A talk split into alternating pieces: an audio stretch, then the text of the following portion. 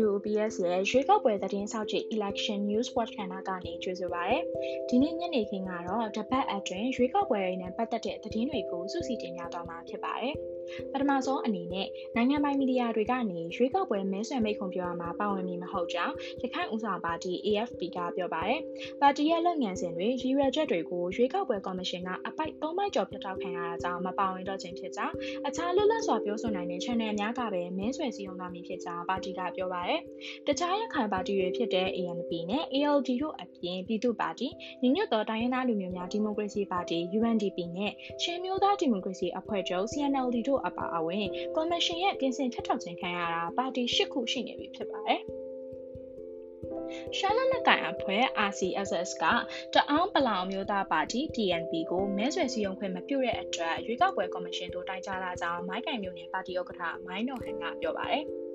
မြန်မာနိုင်ငံရဲ့ကမ္ဘာကုလသမဂ္ဂလူအခွင့်အရေးတာဝန်ခံအသစ်ဖြစ်တဲ့ Thomas Andrew ကနွေမာလာမှာကျင်းပမယ့်ရွေးကောက်ပွဲဟာအများကယုံကြည်စိတ်ချရသောရွေးကောက်ပွဲရဲ့စံနှုန်းများနဲ့မပြည့်မီကြောင်းအကြောင်းရင်းကတော့လူနည်းစုတို့ရဲ့မဲပေးခွင့်ဆုံးရှုံးမှုတွေစစ်စစ်ထက်ထောက်ခြင်းတွေနဲ့ COVID-19 ရဲ့ရောဂါရဲ့ဆင်းခုမှုများဖြစ်ကြောင်းပြောဆိုထားပါတယ်။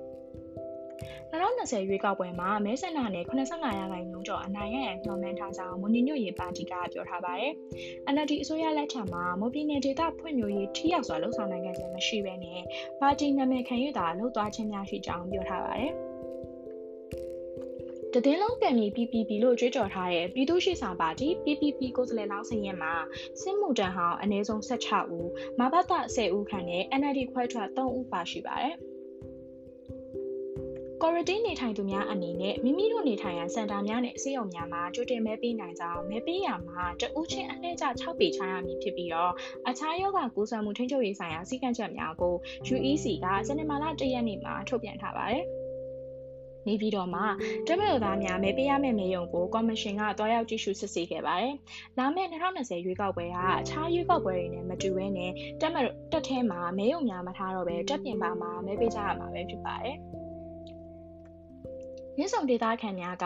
လူမှုဘဝဖွံ့ဖြိုးတိုးတက်ရေးနဲ့မြစ်ဆုံရေကာတာစီမံကိန်းကိုအပိအပိုင်ရက်တက်အောင်လှုံ့ဆော်ပေးနိုင်မဲ့နိုင်ငံရေးပါတီကိုသာမဲပေးသွားမယ်လို့ပြောပါတယ်။မြစ်ဆုံရေကာတာစီမံကိန်းကနိုင်ငံရဲ့အချုပ်အခြာအာဏာနဲ့သက်ဆိုင်နေသလိုတစ်ဖက်မှာလည်းသဘာဝပတ်ဝန်းကျင်နဲ့ပတ်သက်တဲ့ဘေးထွက်ဆိုးကျိုးများစွာရှိနေတဲ့အပြင်ဒေသခံများရဲ့လူမှုဘဝအဖုံဖုံထိခိုက်နေရကြမို့လို့စီမံကိန်းကိုအပိအပိုင်ရက်တက်မှုသဘာဝပတ်ဝန်းကျင်အရေးလှုံ့ဆော်သူများမြစ်ဆုံအရေးစောင့်ကြည့်သူများနဲ့တနိုင်ငံလုံးရှိပြည်သူများကတောင်းဆိုထားကြပါတယ်။ 2010ခုနှစ်ပြည်ခိုင်မျိုးပါတီကနေရွေးကောက်ပွဲဝင်ပြီးကရားပြည်နယ်ဝန်ကြီးချုပ်တာဝန်ယူခဲ့တဲ့တက်မတော်သားဟောင်းဦးခင်မောင်ဦးနဲ့အခြားအရာရှိဟောင်းတဦးကလက်ရှိကရားပြည်နယ်ဒီမိုကရက်တစ်ပါတီမှာပါဝင်နေရကြမို့လို့ကရားပြည်သူများကြားမှာဝေဖန်ရရှိပါတယ်။ မန္တလေးမြို့မဟာအောင်မြင်မြို့နယ်ကနေဝင်ရောက်ရှင်ပြိုင်မဲ့ပြည်ခိုင်မျိုးပါတီကိုယ်စားလှယ်လောင်းပုံများရဲ့မဲဆွယ်ဆိုင်ပုံမှာမန္တလေးတက္ကသိုလ်ရဲ့ပင်မအဆောက်အုံပုံပါဝင်နေရကြမို့လို့မန္တလေးတက္ကသိုလ်ဆရာဆရာမများတမကအဖွဲ့ကကန့်ကွက်ကြောင်းအော်တိုဘာလ၁ရက်နေ့မှာထုတ်ပြန်ကြေညာလိုက်ပါတယ်။စက်တင်ဘာလကလည်းမန္တလေးတက္ကသိုလ်ကျောင်းသားများတမကကအလားတူကန့်ကွက်ခဲ့ပြီးဖြစ်ပါတယ်။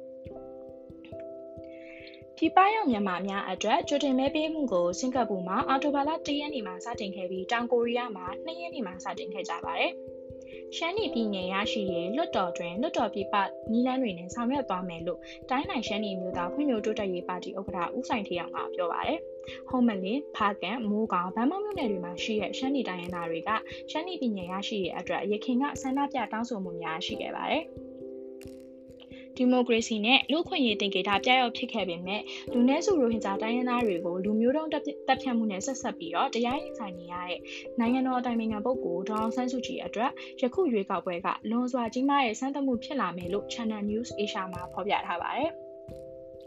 ညီညွတ်သောဒီမိုကရက်တစ်ပါတီ UDP နှင်းစီပါတီကလာမယ့်ရွေးကောက်ပွဲမှာတနိုင်ငံလုံးကိုယ်စားလှယ်လောင်းဦးရေ1130ကျော်ဖြင့်ဒုတိယအများဆုံးရှင်ပြိုင်မှာဖြစ်ပါတယ်။ပါတီဥက္ကဋ္ဌဦးကျော်မြင့်ကတော့ဝါပြည်သွေးစည်းညီညွတ်ရေးပါတီနဲ့ပတ်သက်ခဲ့ပူပြီးတရုတ်ပြည်နဲ့အခြားသောအဆက်အသွယ်ရှိသူများလည်းဖြစ်ပါတယ်။